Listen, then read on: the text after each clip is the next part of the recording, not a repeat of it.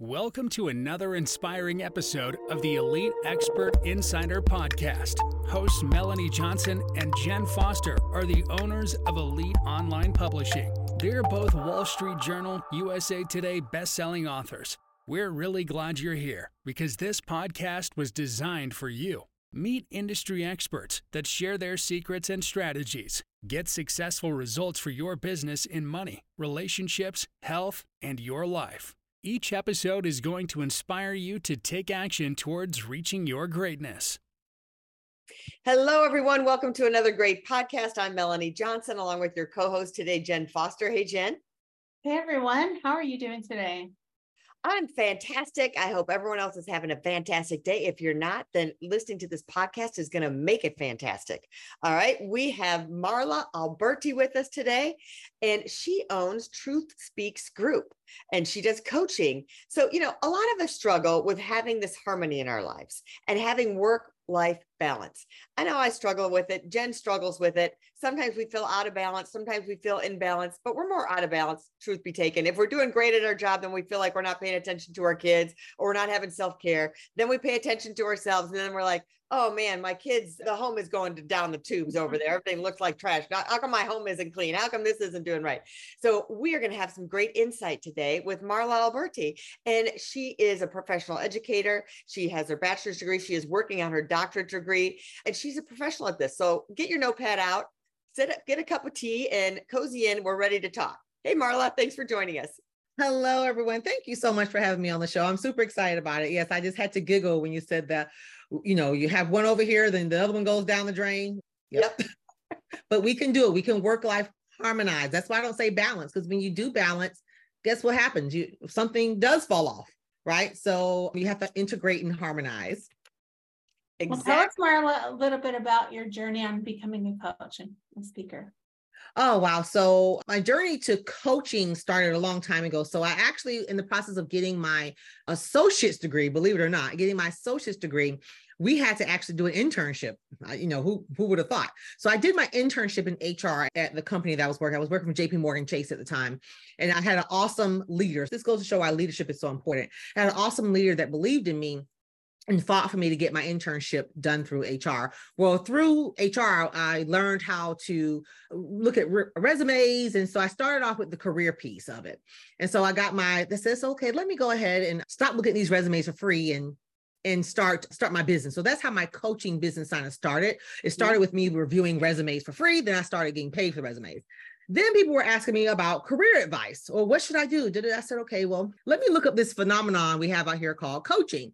So, again, as you and I both may know, that coaching is a non-regulated field meaning you can go get a degree i mean you can go get a certification from burger king.com no shout out to burger king right? But it doesn't matter. You can call yourself a coach. You just wake up tomorrow and call yourself a coach.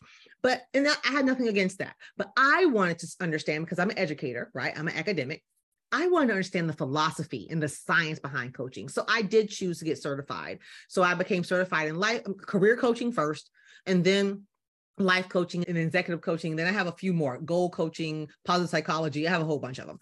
So again, as you can see, I love to learn. So that started my spin. So actually this year marked 10 years that my coaching business, coaching and training business has been active. And have I been through ups and downs and tops and turns? Of course. But when I started, it's funny. I was told that, hey, coaching businesses don't last that long. You know, well, here I am 10 years later and I'm still trucking along. so that's how I got started. I started doing resumes for free, but I learned that resume background from the internship I had from getting my associate's degree. So, and you love teaching, you love learning, and you oh, love oh, yeah. teaching, obviously, oh, because you're coaching people and you, you teach them how to have different skills. So, all right, let's get back to this harmony, the idea you know people come to you and how do you start them down their harm, harmonious journey? Yeah so this is such a great question. So i my mantra is i coach the nine to five working woman to discover work life integration and harmony not balance. So 95% of my clients are women. I have coached men and I, I have nothing against that, right? But you know, you got to have your niche, right? So with that being said, 99% of the women that I coach, I've walked in their shoes, I'm walking in their shoes. I've been there, done that. And one of the most top questions I get is Marla, how do you do all the stuff that you do? And I've been asked this question for years. I mean, uh, even though I have a grown adult son, he's out of the house, but before then, he was here with me. I was married, went through, been through two divorces. So I'm no special than anyone else, right? I've been through the ups and downs, just like everybody else has. But one thing I've learned to master is that harmony. First thing is you have to change your mindset. I said, you know what? I'm not balancing anything because when you balance something, you're like we mentioned earlier, you're going to something's going to fall by the wayside. Yeah. You have to learn to think differently about your life. So this is what I instill in my clients. So the first thing I have them do is I have them to make a list of all the things that they want to do. They're like, well, Marla, I can't do that. Well, there's there we go with the mindset. If you say you can't, then mm-hmm. doggone it, you won't. So mm-hmm. I, again, so I have to start you off there, right? So when they get them past that, they make their list. And what I tell them is remove all of the obstacles. Now, that can be your spouse, that can be your children, that can be money, that can be parents, whatever's in the way for right now, remove that and just make the list of the things you want to do. Because mm-hmm. nine out of 10 times, you probably haven't made this list. Most of my clients haven't made the list. And again, like I said, they're women, so they haven't made the list. And I said, make sure this list is about what you want to do, not what you want for your kids, not what you want for your husband or spouse's birthday, what you want to do. And what I found is this is the most hardest thing for people to do. Yeah. But anyway, once they finally do it, then we walk through the tactics of how to pick a few things off of that list, one to three things, right? Off that list that we can start to work and integrate. So let's just I always use the example of writing a book because a lot of my clients have always write want to write a book. And of course, we love that example. Okay, Marla, we yeah. just love that because we're a publishing company. That's a perfect example. exactly, right. Not a lot of my, the journey, right? I love it. yes, a lot of my clients want to write a book. And I believe I'm an author. I love writing. So I believe that we all have a book inside of us. So I said, okay, well, they're like, Marla, let's just take the nine to five working woman who's married or in a relationship or a partnership or whatever. And let's say she has three small kids. And we say small under the age of 10. Okay. Well, how am, and I've had this type of client. How am I going to make time to write a book?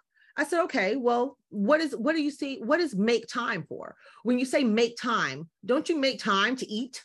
Don't you make time to use the bathroom? Well, those things I have to do. Well, Think about it. Do you have to write a book? No. Do you have to write a book? Well, yes, I do. Oh, there you go. If you change your mindset, yes, you have to write this book. You have to get this story out in the world. So I asked them to start small. We can get this from BJ Fogg's book, Tiny Habits, right? But mm-hmm. I asked them to start small.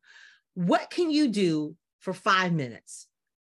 You can start writing the introduction. You can start outlining. You can start researching five minutes a day. Well, I don't have five minutes a day. Well, here we go. Here we go what you don't have again. You may not have five. Do you have three minutes?